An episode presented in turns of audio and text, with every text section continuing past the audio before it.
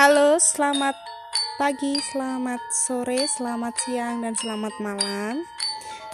Mari kita akan menceritakan lagi tentang legenda dongeng cerita rakyat, yaitu berasal dari Jawa Timur, yaitu adalah Banyuwangi.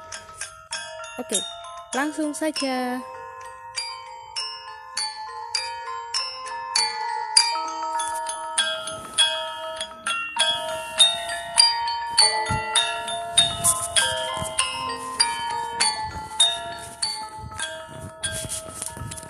Pada zaman dahulu kala, terdapat sebuah kerajaan yang dipimpin oleh raja yang sangat bijaksana dan adil. Raja tersebut tentu mempunyai seorang putra yang sangat tampan dan gagah yang bernama Raden Banterang. Raden Banterang sangat gemar berburu. Suatu hari, Raden Banterang pergi berburu ke dalam hutan. Ia ditemani dengan pengawal kerajaan. Di tengah perjalanan, ia melihat seekor kijang melintas di depannya. Ia pun segera mengejar kijang tersebut hingga masuk ke dalam hutan belantara. Ia pun berpisah dari rombongan pengawalnya tersebut. Raden Banterang terus mengejar kijang tersebut. Ia semakin jauh masuk ke dalam hutan. Ia pun tiba di sebuah sungai yang sangat jernih. Karena kelelahan mengejar kijang, ia pun mendekati sungai tersebut dan meminum air jernih itu. Di saat it, ia asik meminum air, tiba-tiba ia sangat terkejut karena kedatangan seorang gadis yang sangat cantik. Raden Banterang kebingungan karena ia takut gadis cantik tersebut adalah penunggu hutan ini. Namun ia memberanikan diri untuk mendekati gadis tersebut. Siapa kamu? Dari mana asalmu? Tanya Raden Bantrang. Namaku Surti. Aku berasal dari kerajaan Klungkung. Jawab gadis itu. Apa yang sedang kau lakukan di dalam hutan seorang diri? Tanya Raden Bantrang. Saya berada di hutan ini karena menyelamatkan diri dari kejaran musuh. Ayah saya mati dalam pertempuran kata Surti menjelaskan. Mendengar cerita Surti, Raden Banterang sangat terkejut. Karena merasa kasihan, Raden Banterang membawanya ke istana. Surti pun ikut ke istana bersama Raden Banterang. Karena kecantikan Surti, Raden Banterang pun jatuh cinta dan ingin meminangnya. Akhirnya, mereka memutuskan untuk menikah. Mereka pun hidup bahagia. Namun suatu hari, Putri Surti berjalan-jalan sendirian keluar istana. Tiba-tiba ia mendengar seseorang memanggil namanya. Ia pun mencari sumber suara tersebut. Ia pun melihat seorang laki-laki yang berpakaian kumuh dan compang-camping. Putri Surti sangat terkejut. Ternyata laki-laki di depannya adalah kakak kandungnya sendiri bernama Rupaksa. Maksud dari kedatangan kakaknya tersebut adalah untuk mengajak Putri Surti balas dendam karena Raden Banterang sudah membunuh ayahnya.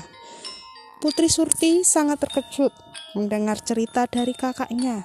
Ia pun menceritakan bahwa dirinya sudah menjadi istri dari Raden Banterang. Ia pun menolak untuk membalas dendam dan memohon agar tidak mencelakai suaminya, Raden Banterang.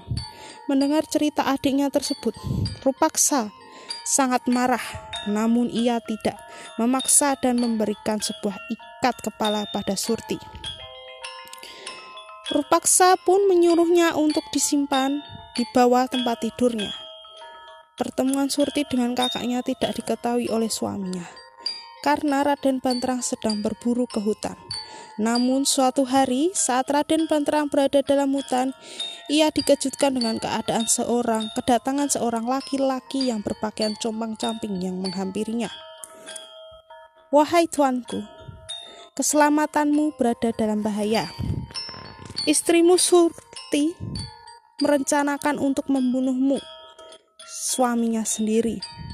Tuan bisa membuktikan sendiri Istrimu menyimpan sebuah ikat kepala yang diletakkan di bawah tempat tidur. Ikat kepala itu adalah milik seorang laki-laki yang dimintai tolong untuk membunuh tuan. Laki-laki itu menjelaskan. Mendengar penjelasan tersebut, Raden Banterang segera kembali ke istana. Ia pun segera mencari ikat kepala yang sudah diceritakan laki-laki yang ia temui di dalam hutan. Ia pun sangat terkejut karena ia menemukan ikat kepala tersebut. Raden Banterang takut keselamatannya terancam dan ia pun mencurigai istrinya.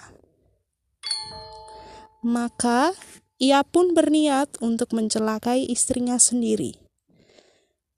Purti, Putri Surti pun menjelaskan asal ikat kepala tersebut. Raden Banterang berniat untuk menenggelamkan istrinya di sebuah sungai. Setibanya di sungai, Raden Banterang menceritakan pertemuannya dengan seorang laki-laki yang tidak dikenal ketika sedang berburu di hutan. Surti pun menceritakan pertemuannya dengan kakaknya Rupaksa yang ingin membalaskan dendam kepada Raden Banterang. Setelah menjelaskan hal, hal tersebut tidak membuat hati Raden Banterang cair. Ia menganggap istrinya berbohong. Akhirnya dengan rasa kecewa Putri Surti berkata, Suamiku, jika nanti setelah kematianku dan air sungai ini menjadi jernih dan berbau harum, berarti aku tidak bersalah dan tidak mempunyai niat untuk mencelakaimu. Namun, jika air ini tetap keruh dan berbau busuk, berarti aku bersalah, kata Surti menangis. Raden Banterang menganggap apa yang diucapkan istrinya adalah sebuah kebohongan. Maka ia segera mengeluarkan keris dan menusuk pinggang istrinya. Bersamaan dengan itu, Surti terjatuh ke tengah sungai dan hanyut terbawa arus. Tidak lama kemudian, Surti hanyut, terjadilah sebuah keajaiban. Tiba-tiba terciumlah bau yang sangat harum di sekitar sungai. Airnya pun berubah menjadi sangat jernih. Raden Banterang gemetar dengan keajaiban tersebut. Melihat itu, Raden Banterang sangat menyesal dan meratapi kematian istrinya. Sejak itu sungai menjadi harum baunya. Dalam bahasa Jawa disebut banyune wangi. Banyu artinya air dan wangi artinya harum. Dan air, art, dan nama Banyuwangi kemudian menjadi nama kota yaitu Banyuwangi.